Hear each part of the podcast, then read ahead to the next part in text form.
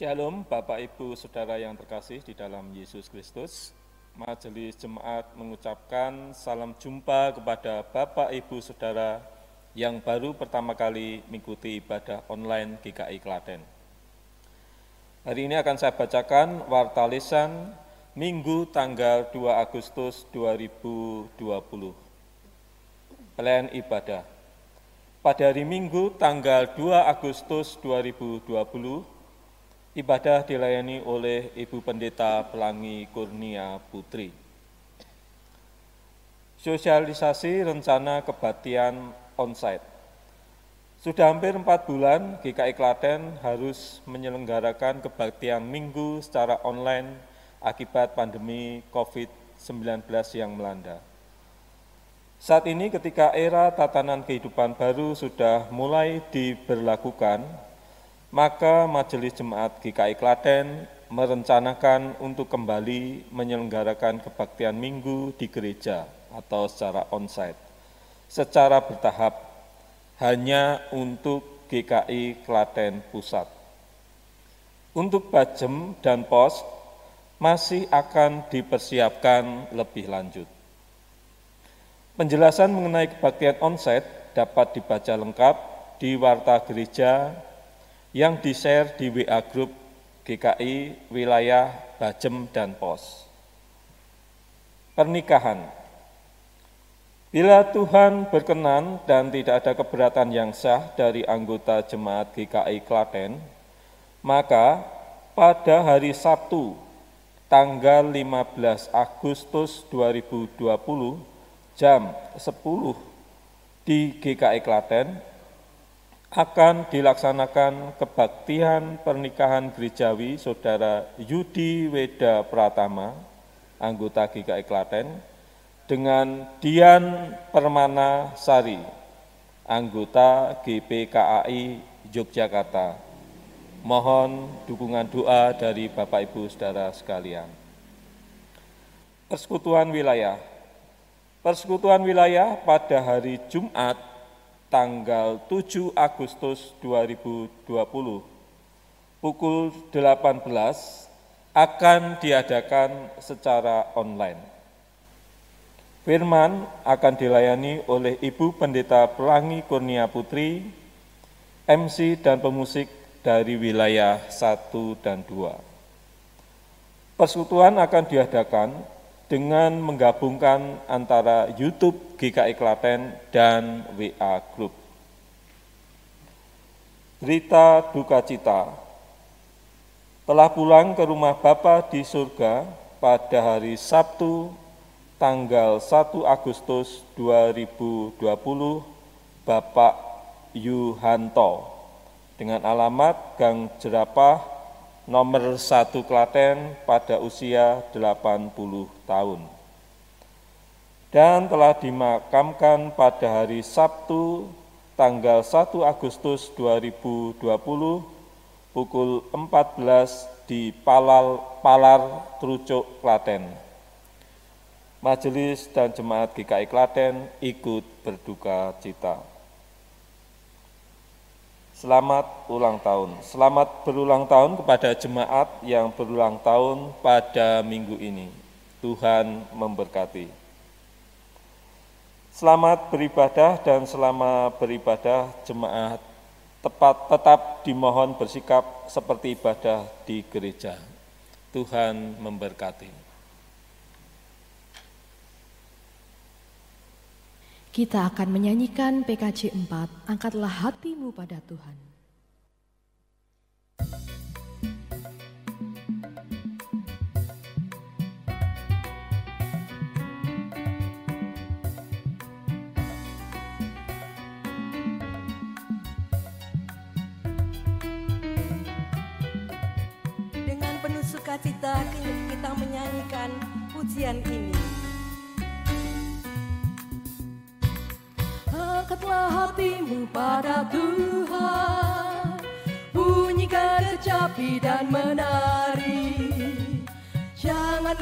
Bawa persembahan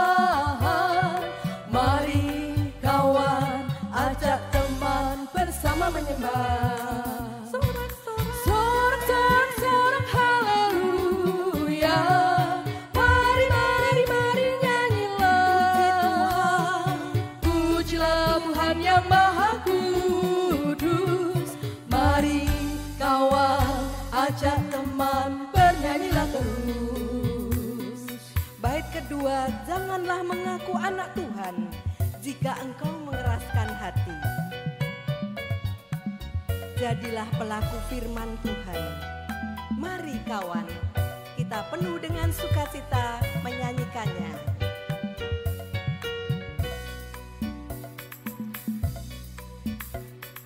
Janganlah mengaku anak Tuhan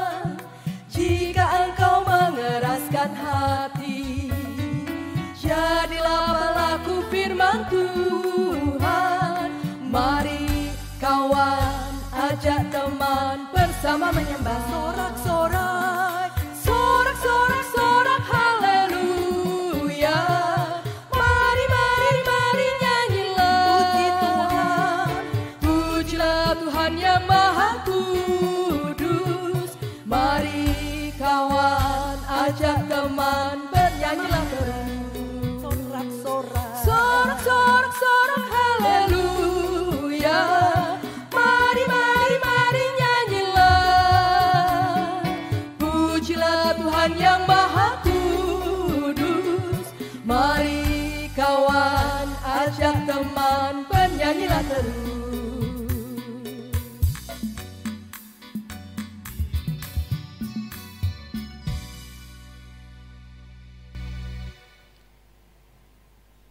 Jemaat yang dikasih oleh Tuhan Yesus Kristus, mari kita masuki ibadah ini dengan pengakuan pertolongan kita adalah di dalam nama Tuhan yang menciptakan langit dan bumi, yang kasih setianya tetap untuk selamanya, dan yang tidak pernah meninggalkan perbuatan tangannya.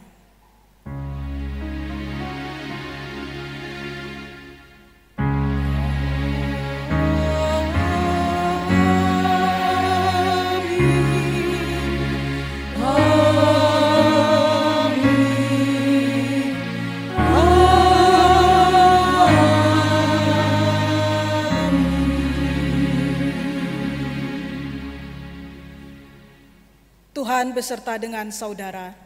dan beserta saudara juga.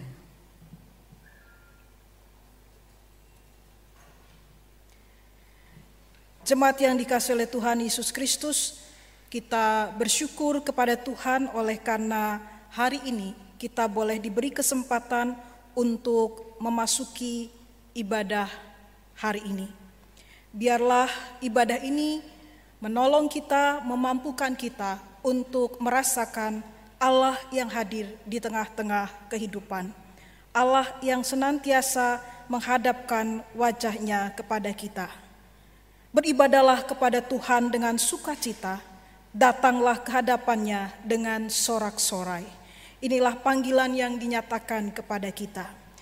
Di sisi yang lain, Bapak, Ibu, dan saudara-saudara yang dikasih oleh Tuhan Yesus Kristus, sering kali ketika kita hendak datang kepada Tuhan, kita tidak menyadari akan segala kesalahan-kesalahan kita. Kita menganggap diri kita sebagai yang paling benar. Kita sering kali menjalani kehidupan dengan keangkuhan. Oleh karena itu mari kita datang pada Tuhan di dalam pengakuan dosa. Kita berdoa.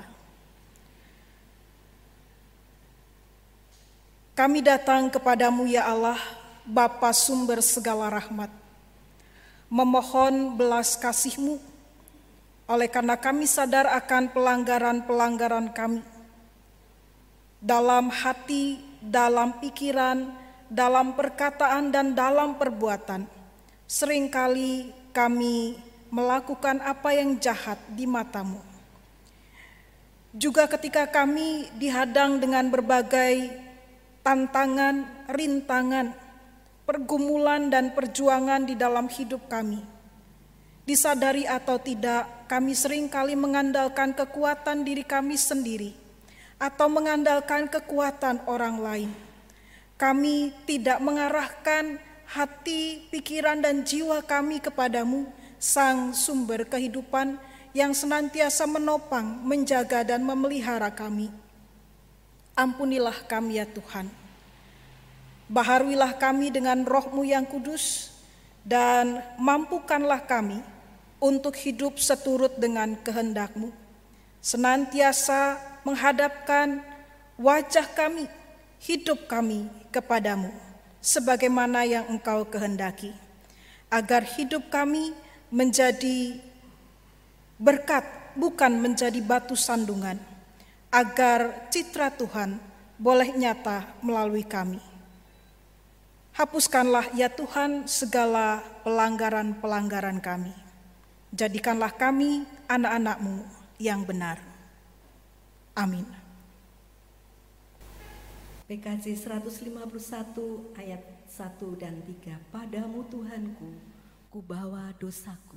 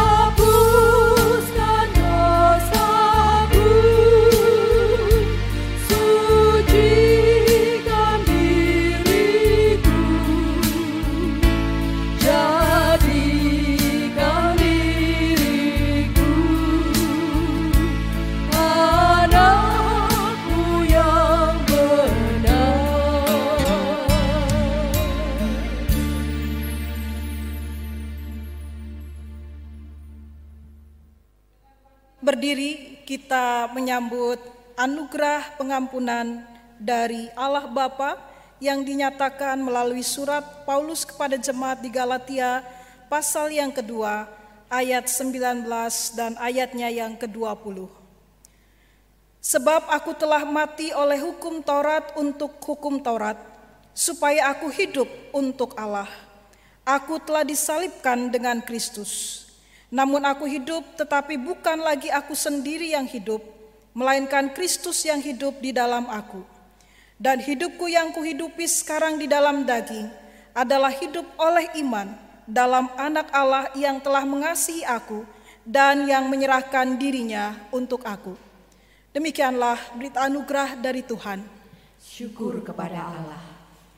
Respon berita anugerah kita akan menyanyikan Kidung Jemaat 365B 1, 2, dan 3.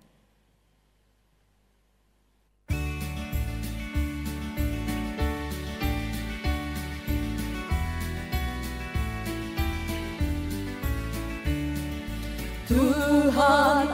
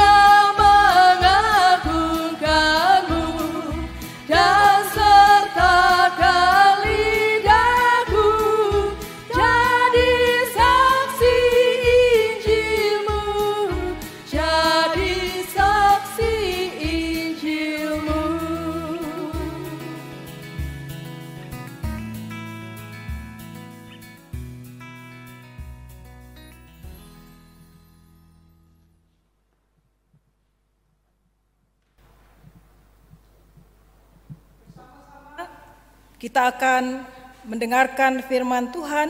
Mari kita tundukkan kembali diri kita di dalam doa, mohon tuntunan rohnya yang kudus. Kita berdoa.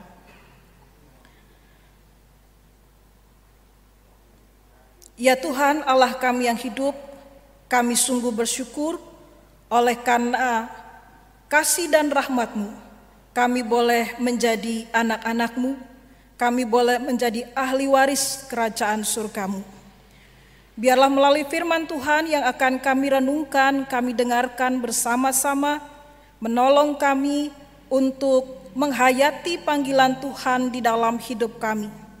Biarlah di seumur, di sepanjang umur kami, kami senantiasa mau mengarahkan hati kami, menghadapkan wajah kami mempersembahkan hidup kami bagi kemuliaan namamu.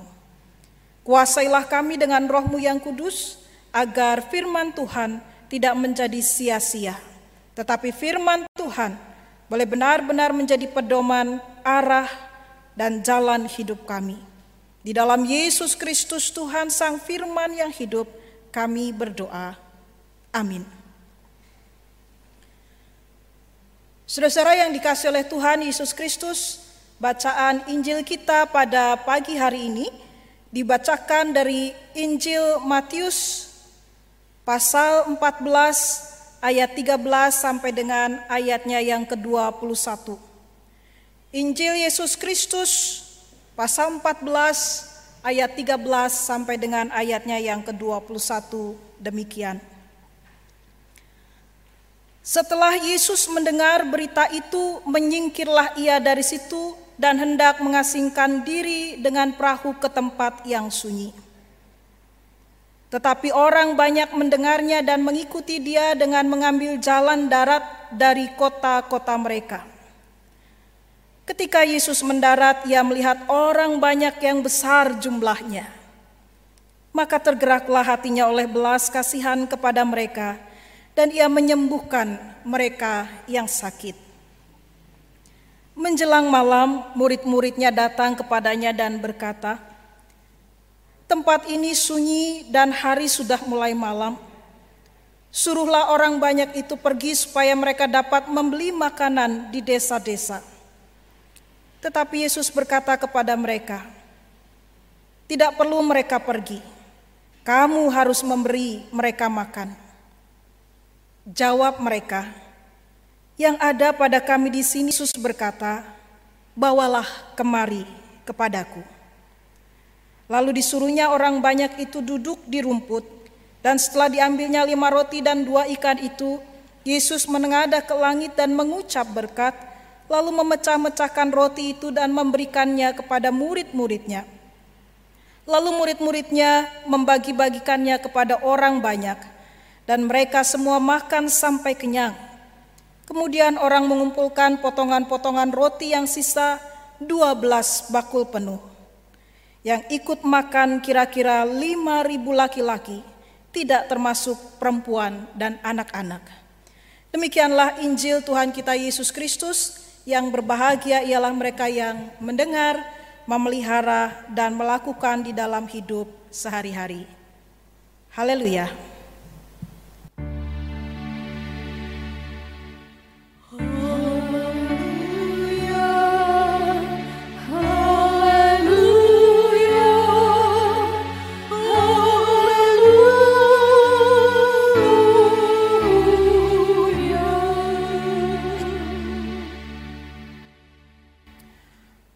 Saudara yang dikasih oleh Tuhan Yesus Kristus, bintang pagi memiliki arti yang penting bagi para nelayan, terutama para nelayan tradisional. Setelah sepanjang malam mereka melaut untuk mencari dan menangkap ikan, maka sekitar jam 4 pagi para nelayan ini akan kembali pulang, kembali ke darat. Nah, di lautan yang lepas, mereka tentu saja membutuhkan petunjuk atau kompas yang akan menuntun mereka kembali ke daratan. Nah, bintang pagi menjadi pegangan bagi mereka. Sebab bintang itu menunjukkan posisi arah timur. Dengan mengetahui arah timur, maka mereka bisa tahu arah mata angin yang lain, sehingga mereka dapat tahu arah ke pantai tempat mereka dapat atau bisa menambatkan perahu mereka. Nah, tema kita pada hari ini adalah mengarahkan hati kepada Tuhan. Dalam kamus besar bahasa Indonesia, kata mengarahkan hati bisa juga berarti atau bermakna menghadapkan wajah kepada Tuhan. Nah, kita akan melihat beberapa poin dari bacaan Injil kita hari ini dan juga bacaan yang mendukungnya. Baik itu Mazmur maupun Yesaya. Pertanyaannya sekarang adalah mengapa kita perlu mengarahkan hati dan hidup kita kepada Tuhan? Kira-kira kenapa? Ya sudah bisa dilihat itu ya di layar seperti itu. Bapak Ibu dan saudara yang dikasih oleh Tuhan Yesus Kristus, mengapa kita dipanggil untuk mengarahkan hati, untuk mengarahkan hidup kita kepada Tuhan karena satu, Allah mengarahkan hatinya dan menghadapkan wajahnya serta memberi dirinya terlebih dahulu kepada kita, kepada umatnya. Perhatikan di dalam ayat yang ke-14. Ketika Yesus mendarat, ia melihat orang banyak yang besar jumlahnya, maka tergeraklah hatinya oleh belas kasihan. Perhatian Yesus tertuju kepada kerumunan besar itu. Tidak seorang pun luput dari pandangannya. Belas kasih Yesus itu pada saatnya akan dinyatakan melalui tindakan. Bagaimana kemudian Yesus memberi orang banyak itu makan. Bagaimana Yesus dengan kuasa yang ada padanya menyembuhkan orang-orang yang sakit yang datang dan mengharapkan belas kasihnya pada waktu itu. Yesus menghadapkan wajahnya kepada orang banyak. Demikian juga di dalam Mazmur 145 yang sebagai Mazmur syukur kita hari ini di dalam ayat 14 sampai dengan ayat yang ke-20 memperlihatkan kepada kita bagaimana Allah bertindak atas umatnya. Ada banyak kata kerja yang kita jumpai di dalam Mazmur 145 ayat 14 sampai dengan ayat yang ke-20. Beberapa di antaranya di sana dikatakan bahwa Allah Israel itu adalah Allah yang menopang, Allah yang menegakkan, Allah yang memberi tangannya, Allah yang membuka tangannya, Allah yang mengenyangkan umatnya dengan segala kebaikannya, Allah yang selalu setia, Allah yang selalu mau dekat dengan umatnya. Allah yang mau mendengarkan, Allah yang mau menyelamatkan, Allah yang menjaga, Allah yang mengasihi. Dari sini kita bisa melihat mengapa kita diajak untuk mengarahkan hati dan hidup kita, pandangan kita juga kepada Allah, karena Dia sudah terlebih dahulu menghadapkan, mengarahkan hatinya kepada kita. Allah sudah kadung tresno. Ya. kepada kita. Allah sudah kadung janji ya dengan umatnya, dengan bapa leluhur Israel, Abraham, Ishak dan Yakub. Aku akan menjadi Allah mereka. Bukan hanya Allah bagi Israel tetapi juga bagi kita umatnya sekarang ini. Sejak kapan?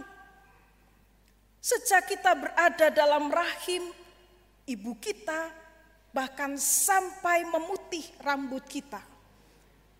Itu yang hendak dilakukan oleh Allah, dan yang sudah, dan yang akan terus dilakukan oleh Allah, menghadapkan wajahnya kepada kita. Ini yang pertama. Yang kedua, Bapak, Ibu, dan saudara-saudara yang dikasih oleh Tuhan Yesus Kristus, mengapa kita harus menghadapkan wajah kita kepada Tuhan? Tidak lain adalah teladan yang Yesus sampaikan atau Yesus perlihatkan kepada kita. Di dalam ayat 19 dikatakan, dan setelah diambilnya lima roti dan dua ikan itu, Yesus menengadah ke langit. Yesus mengucap berkat lalu memberikan lima roti dan dua ikan itu kepada murid-muridnya. Lalu murid-muridnya membagi-bagikan lima roti dan dua ikan itu kepada orang banyak. Yesus berdoa, Yesus mengucap berkat. Pun sesudah peristiwa lima roti dan dua ikan yang dimakan oleh lima ribu orang laki-laki belum termasuk perempuan. Bila kita memperhatikan perikop berikutnya, apa yang Yesus lakukan? Di dalam ayat yang ke-23 dari pasal yang sama di sana dikatakan, dan setelah orang banyak itu disuruhnya pulang, Yesus naik ke atas bukit untuk berdoa seorang diri. Ketika hari sudah malam, ia sendirian di situ. Kita melihat di sini bahwa arah dan tujuan hidup Yesus adalah Bapaknya. Memenuhi kehendak Bapaknya, memuliakan Bapaknya. Kita melihat bagaimana Yesus selalu terhubung dengan Bapa surgawinya. Maka melalui tema kita hari ini kita pun diingatkan untuk selalu terhubung dengan Bapa Surgawi kita melalui doa dan ucapan syukur. Tuturan tentang Yesus memberi makan 5000 orang mengajarkan kepada kita bagaimana lima roti dan dua ikan itu pada akhirnya menjadi bingkisan kasih bagi banyak orang mengajarkan kepada kita untuk tidak mengandalkan kekuatan dan kecakapan diri sendiri. Karena kita melihat apa yang diteladankan oleh Yesus Kristus. Bagaimana dia selalu terhubung dengan Bapa surgawinya. Kalau kita mau mencari-cari alasan mungkin banyak alasan yang bisa kita sampaikan. Ya karena Yesus itu adalah manusia yang sejati. Apakah saudara dan saya bukan manusia yang sejati?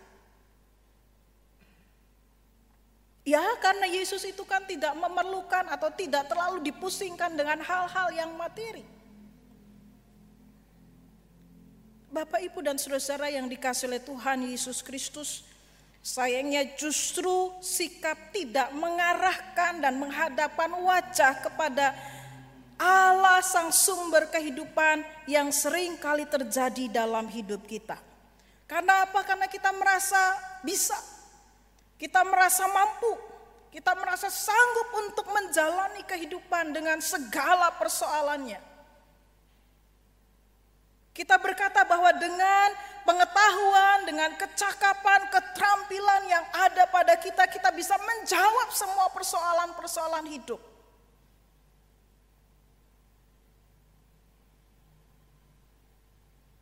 Dalam situasi seperti sekarang ini ketika kita masih diliputi dengan pandemi COVID-19, apakah kecakapan, kemampuan, pengetahuan yang ada pada kita menjawab, dapat menjawab apa yang sedang terjadi? Tidak. Tetapi justru ini yang sering kali terjadi dalam kehidupan kita. Karena merasa bisa, merasa mampu, merasa sanggup, kita menjadi orang yang menepuk dada dan membusungkan dada.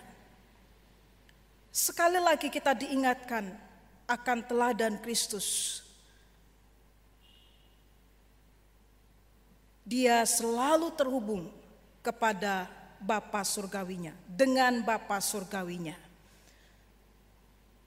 Dia selalu melihat Bapa surgawinya dalam segala perkataan dan tindakan yang akan dia lakukan. Yang ketiga, mengapa kita menghadapkan wajah kita kepada Allah? Kenapa kita selalu diingatkan tentang hal ini? Saudara-saudara yang dikasih oleh Tuhan Yesus Kristus, kalau kita memperhatikan rangkaian liturgi minggu kita, maka kita akan menjumpai kalimat-kalimat yang berkata, arahkanlah hatimu kepada Tuhan. Lalu apa respon kita? Kami mengarahkan hati kami kepada Tuhan. Apa maknanya? Apa arti liturgi itu? Apa arti bagian dari kalimat itu? Bahkan dari sejak awal ibadah kita mengaku bahwa pertolongan kita adalah di dalam nama Tuhan yang menjadikan langit dan bumi. Artinya bahwa ibadah yang berlangsung itu tidak akan berjalan dengan baik dan lancar, ya. Atau kita mengakui bahwa ibadah yang terjadi semata-mata karena campur tangan Tuhan. Karenanya kita mengaku pertolongan kita adalah di dalam nama Tuhan. Dalam ibadah atau liturgi perjamuan kudus,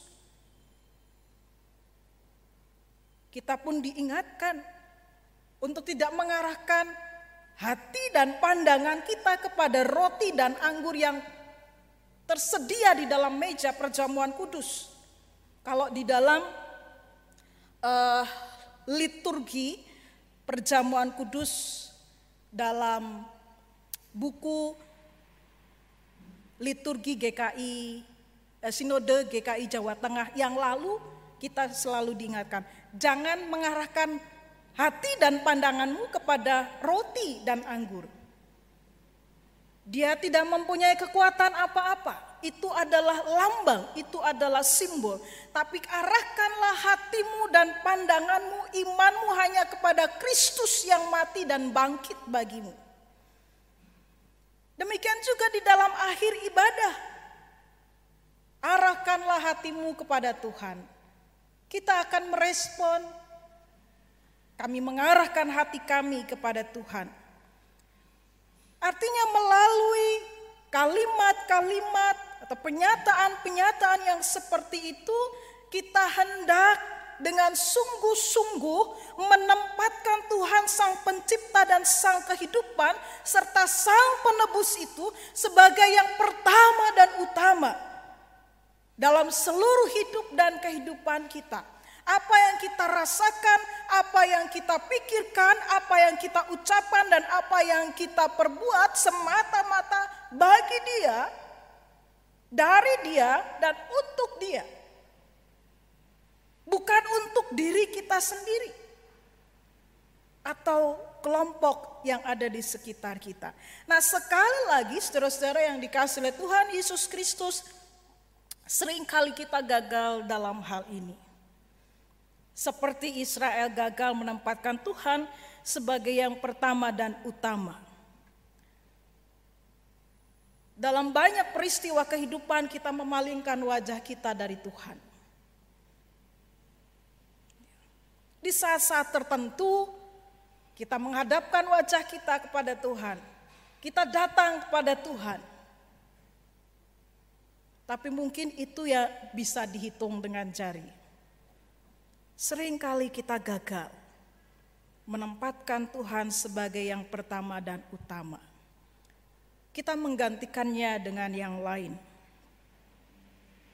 Dengan kedudukan kita, dengan harta benda kita, atau dengan yang lain. Saudara-saudara, kita diingatkan melalui tiga hal ini. Kenapa? Mengapa kita harus mengarahkan hati dan pandangan kita kepada Tuhan? Karena karena kita sudah mengaku dan berkomitmen, Tuhan aku mau mengarahkan hati dan pandanganku kepadamu. Apa pun yang terjadi di dalam kehidupan kita. Karena Kristus sudah memberi teladan kepada kita dan karena Allah telah senantiasa menghadapkan wajahnya kepada kita. Lalu bagaimana kita mengarahkan hati kita, pandangan kita kepada Tuhan di tengah-tengah situasi yang sering kali membuat kita menjadi takut, di tengah-tengah situasi yang begitu mencekam. Apa yang harus kita lakukan? Yang pertama, Bapak Ibu dan saudara-saudara yang dikasih oleh Tuhan Yesus Kristus, Yesaya 55 ayat 3 berkata demikian, Sendengkanlah telingamu dan datanglah kepadaku. Dengarkanlah maka kamu akan hidup. Sendengkanlah telingamu. Membuka telinga kita untuk suara Tuhan bukan hanya sekedar membuka telinga kita mendengar, tetapi juga dengan patuh kita mau melakukan apa yang Tuhan suarakan, perdengarkan kepada kita, apa yang Tuhan kehendaki bagi kita.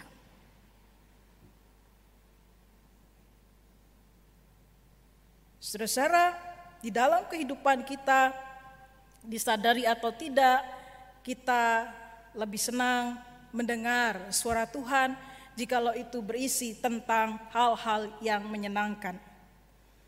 Tetapi kalau suara Tuhan itu menegur kita, mengingatkan kita, kita tidak suka menjadi tidak suka. Sekali lagi pagi ini kita diingatkan bahwa kita dipanggil untuk menghadapkan wajah kita, mengarahkan hati kita kepada Tuhan yang pertama yang perlu kita perhatikan dan lakukan adalah tetap mendengarkan. Syama dalam bahasa Ibraninya. Artinya tidak hanya sekedar mendengar tetapi juga mematuhi apa yang kita dengar. Itu yang pertama. Bagaimana kita bisa mengarahkan hati kita kepada Tuhan. Yang kedua, tetap mengucap syukur. Mazmur 145 ayat yang ke-10 berkata demikian, segala yang kau jadikan itu akan bersyukur kepadamu ya Tuhan, dan orang-orang yang kau kasihi akan memuji engkau mengucap syukur atas apa yang Allah berikan dan percayakan kepada kita, yang menjadi berkat tidak hanya bagi kita dan keluarga kita, tetapi juga menjadi berkat bagi banyak orang. Bagaimana kita melihat melalui peristiwa Yesus memberi makan 5000 orang ini, roti yang lima biji itu dan dua ekor ikan itu menjadi bingkisan kasih bagi banyak orang menjadi berkat bagi mereka.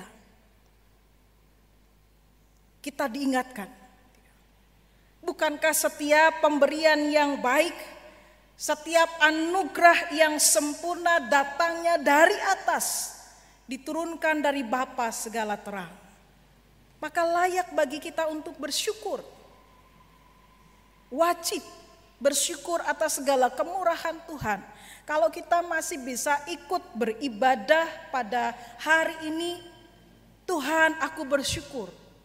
Sekalipun masih secara online aku bisa mengikuti ibadah ini. Aku bersyukur untuk kekuatan, kesehatan, baik secara jasmani maupun rohani yang Tuhan anugerahkan sehingga aku boleh ikut memuji memuliakan namamu. Aku boleh menikmati segala berkat-berkatmu. Ini hal yang kedua.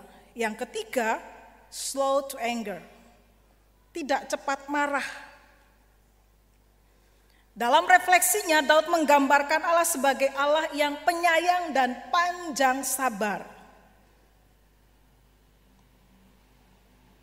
tidak cepat marah.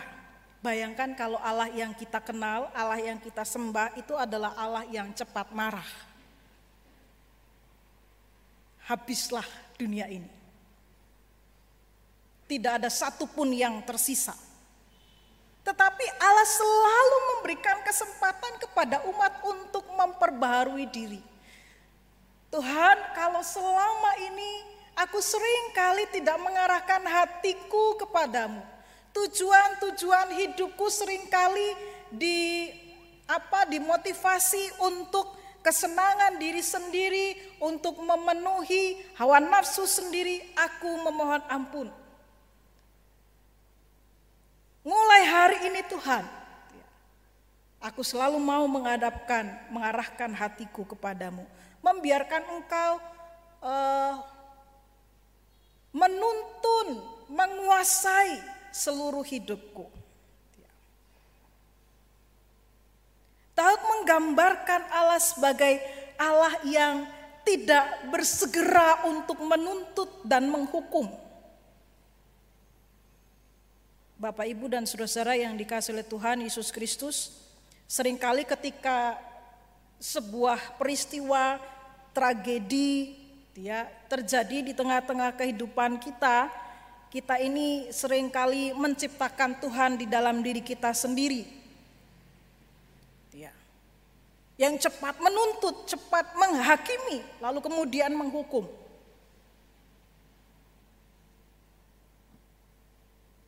Padahal tidak demikian dengan Allah kita. Nah, situasi yang sedang kita hadapi sekarang ini menjadi sarana ya, bagi kita untuk melatih dan menguji kesabaran kita. Bagi orang-orang yang uh, tidak terlalu senang berkegiatan di luar rumah, maka mungkin situasi yang seperti sekarang ini menjadi sebuah hal yang baik, menjadi sebuah keuntungan. Tetapi bagi mereka yang senang beraktivitas di luar rumah, mereka yang selalu berada di lapangan, seolah-olah situasi seperti ini menjadi situasi di mana mereka tidak bisa berbuat apa-apa. Saya tidak tahu kalau Bapak Ibu masih punya anak, punya keponakan yang sekolah, apa yang sering kali mereka ucapkan akhir-akhir ini.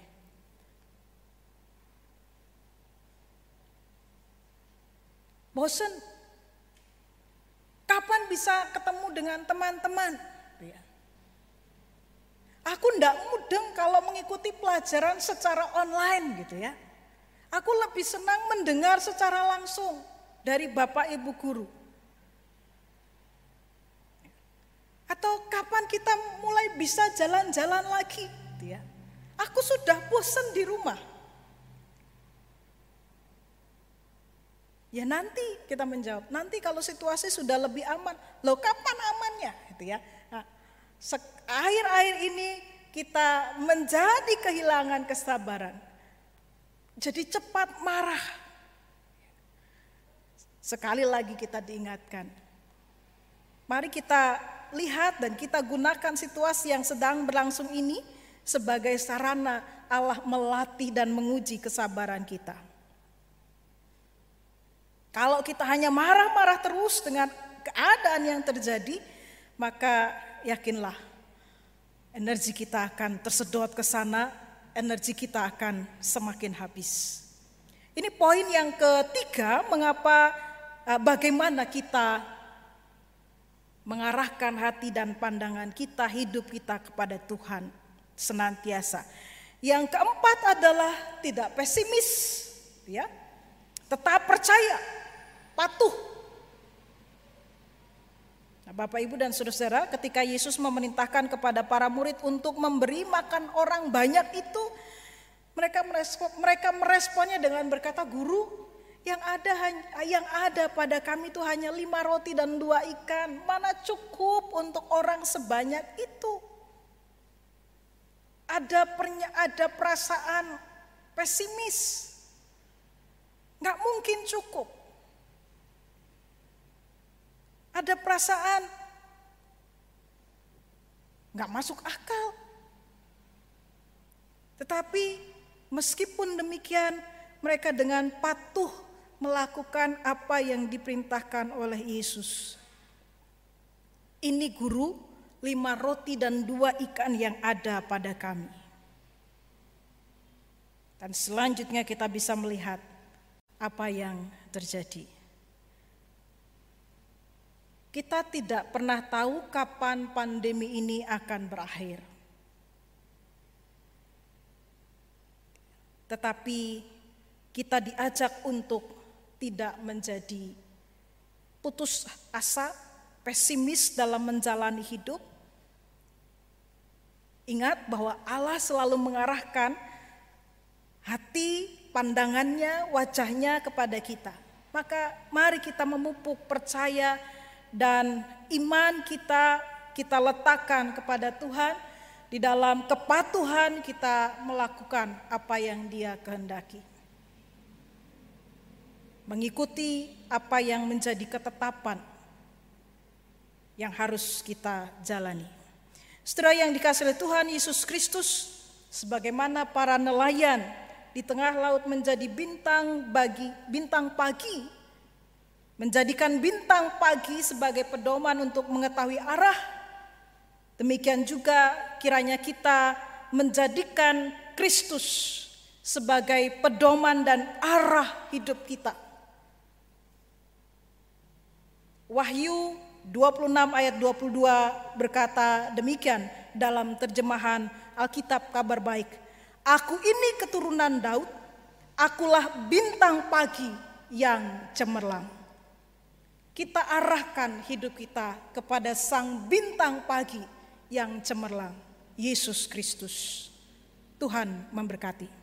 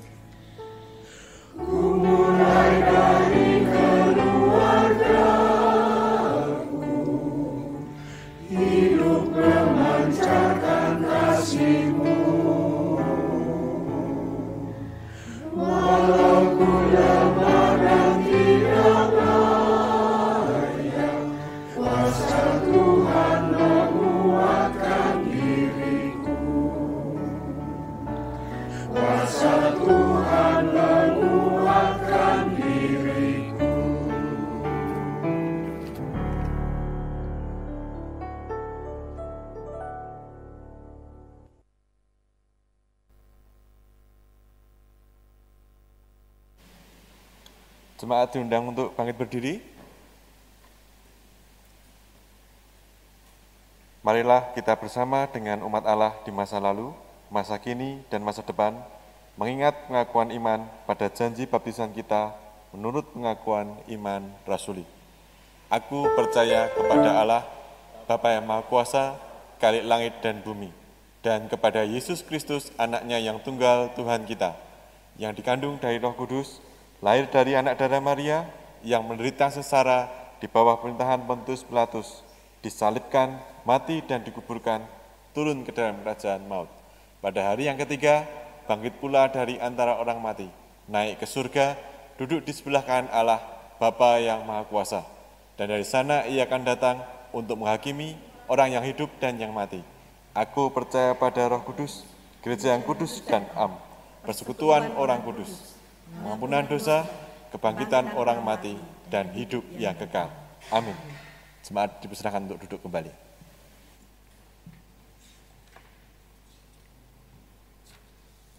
Saudara-saudara yang dikasih oleh Tuhan Yesus Kristus, mari kita tunduk di dalam doa syafaat kita. Doa syafaat akan diakhiri dengan doa Bapa kami yang diucapkan. Kita berdoa. Sabdamu telah usai diberitakan, ya Kristus. Meteraikanlah dengan kuasa rohmu yang kudus sabdamu itu di dalam keseluruhan diri kami, di dalam hati, di dalam pikiran, dan yang nyata di dalam perkataan dan perbuatan kami. Mampukanlah kami, tolonglah kami, bimbinglah kami untuk terus mengarahkan hati kami kepadamu. Sebab di dalam engkaulah kami mendapatkan penopangan, di dalam engkaulah kami mendapatkan pemeliharaan. Di dalam engkaulah kami mendapatkan pengampunan serta keselamatan dan hidup yang baru. Bapa di surga, saat ini kami datang memohon kiranya belas kasih-Mu kepada orang banyak juga nyata kepada sesama kami di dalam pergumulan dan pergulatan hidup mereka sekarang ini.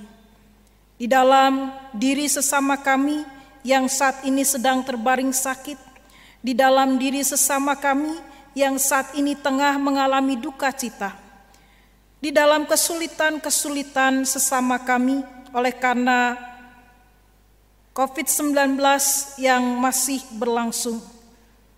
Di dalam segala hal ya Tuhan, kiranya Engkau berkenan menyatakan kasih dan kemurahan-Mu sehingga di dalam pergumulan dan pergulatan hidup sesama kami sekarang ini, mereka boleh tetap menaruh iman percaya mereka kepadamu, meyakini bahwa kasih dan anugerah di dalam Tuhan Yesus Kristus tetap ada dan menyertai kehidupan mereka. Kami juga berdoa ya Tuhan untuk gereja-gereja Tuhan baik dalam skala nasional maupun internasional yang masih terus berjuang untuk menghadirkan kerajaan Allah, damai sejahtera Allah di tengah-tengah kehidupan sekarang ini, terlebih ketika wabah COVID-19 masih menyeruak dan tersebar di berbagai tempat. Mampukanlah gerejamu untuk tetap menyatakan belas kasih Kristus melalui apa yang dapat dilakukannya.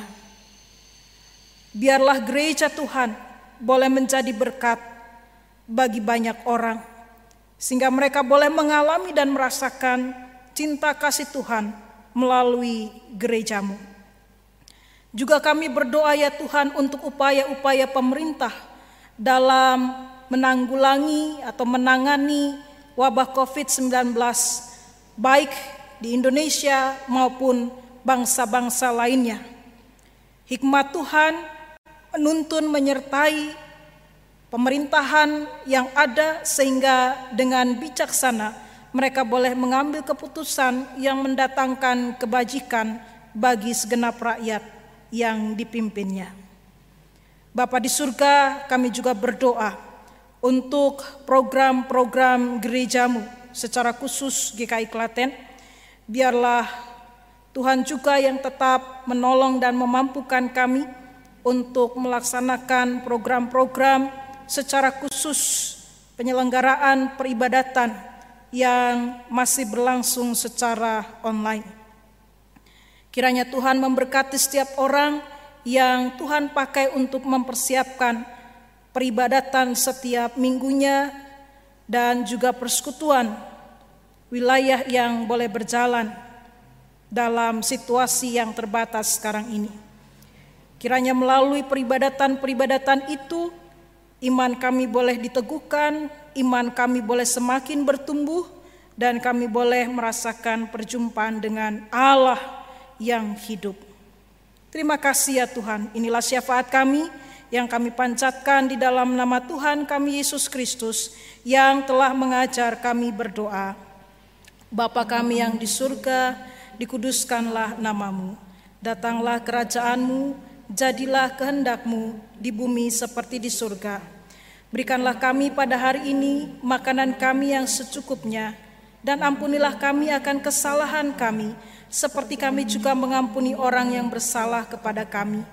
Janganlah membawa kami ke dalam pencobaan, tetapi lepaskanlah kami dari yang jahat, karena Engkau yang mempunyai kerajaan dan kuasa dan kemuliaan sampai selama-lamanya. Amin.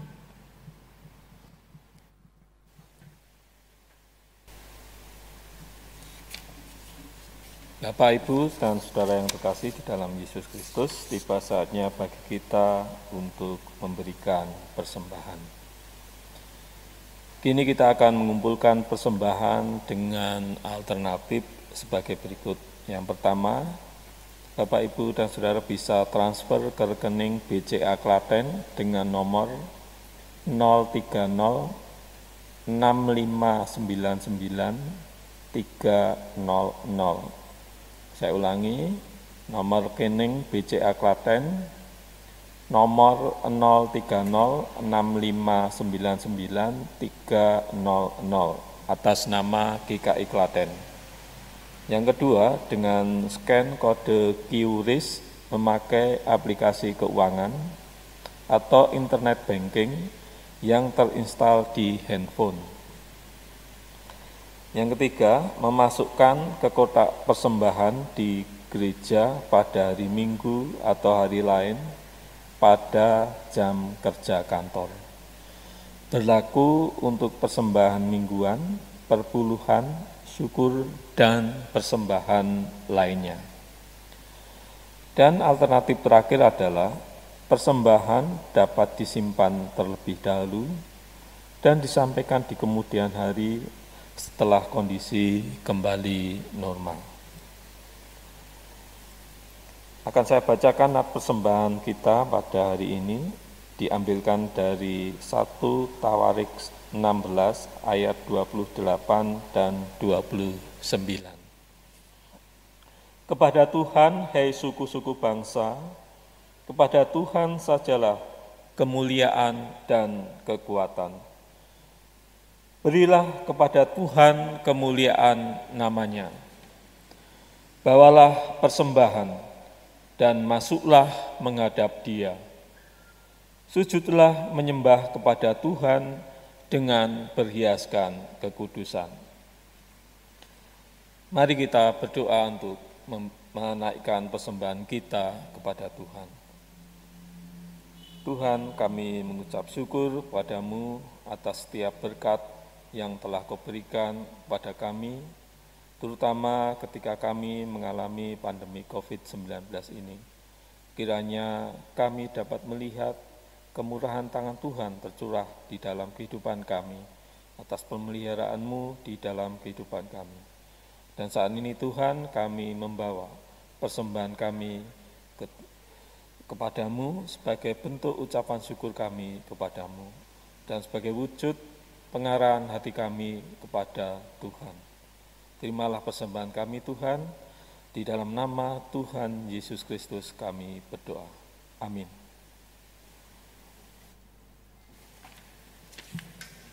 Jemaat yang dikasih oleh Tuhan Yesus Kristus, kita akan kembali memasuki kehidupan kita sehari-hari. Biarlah di tengah-tengah situasi di mana segala gerak dan kerja kita masih terbatas, kita tetap dimampukan untuk menyatakan Kristus di dalam kehidupan kita. NKB 204 di dunia yang penuh cemar.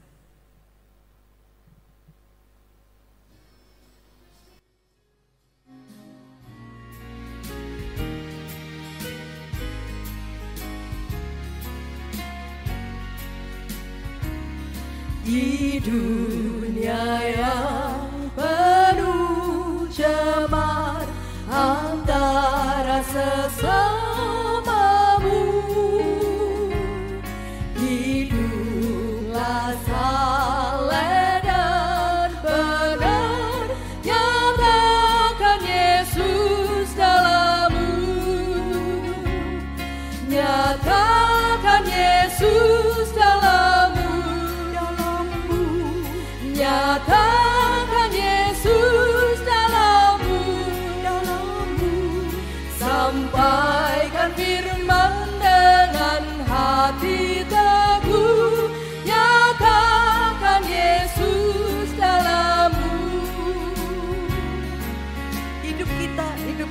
adalah kitab yang terbuka. hidupmu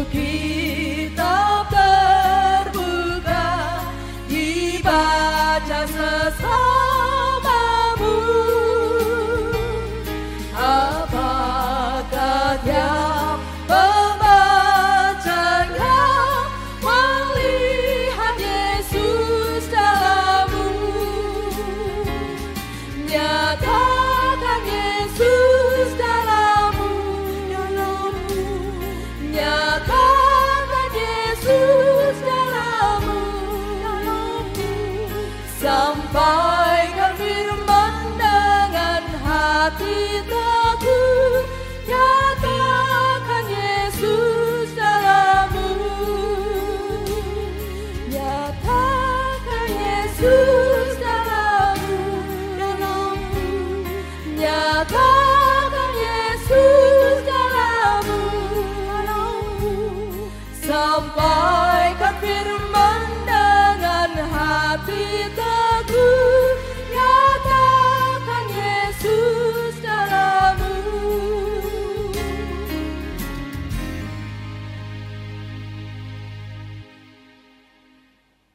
Sekarang saudara-saudara, arahkanlah hatimu kepada Tuhan.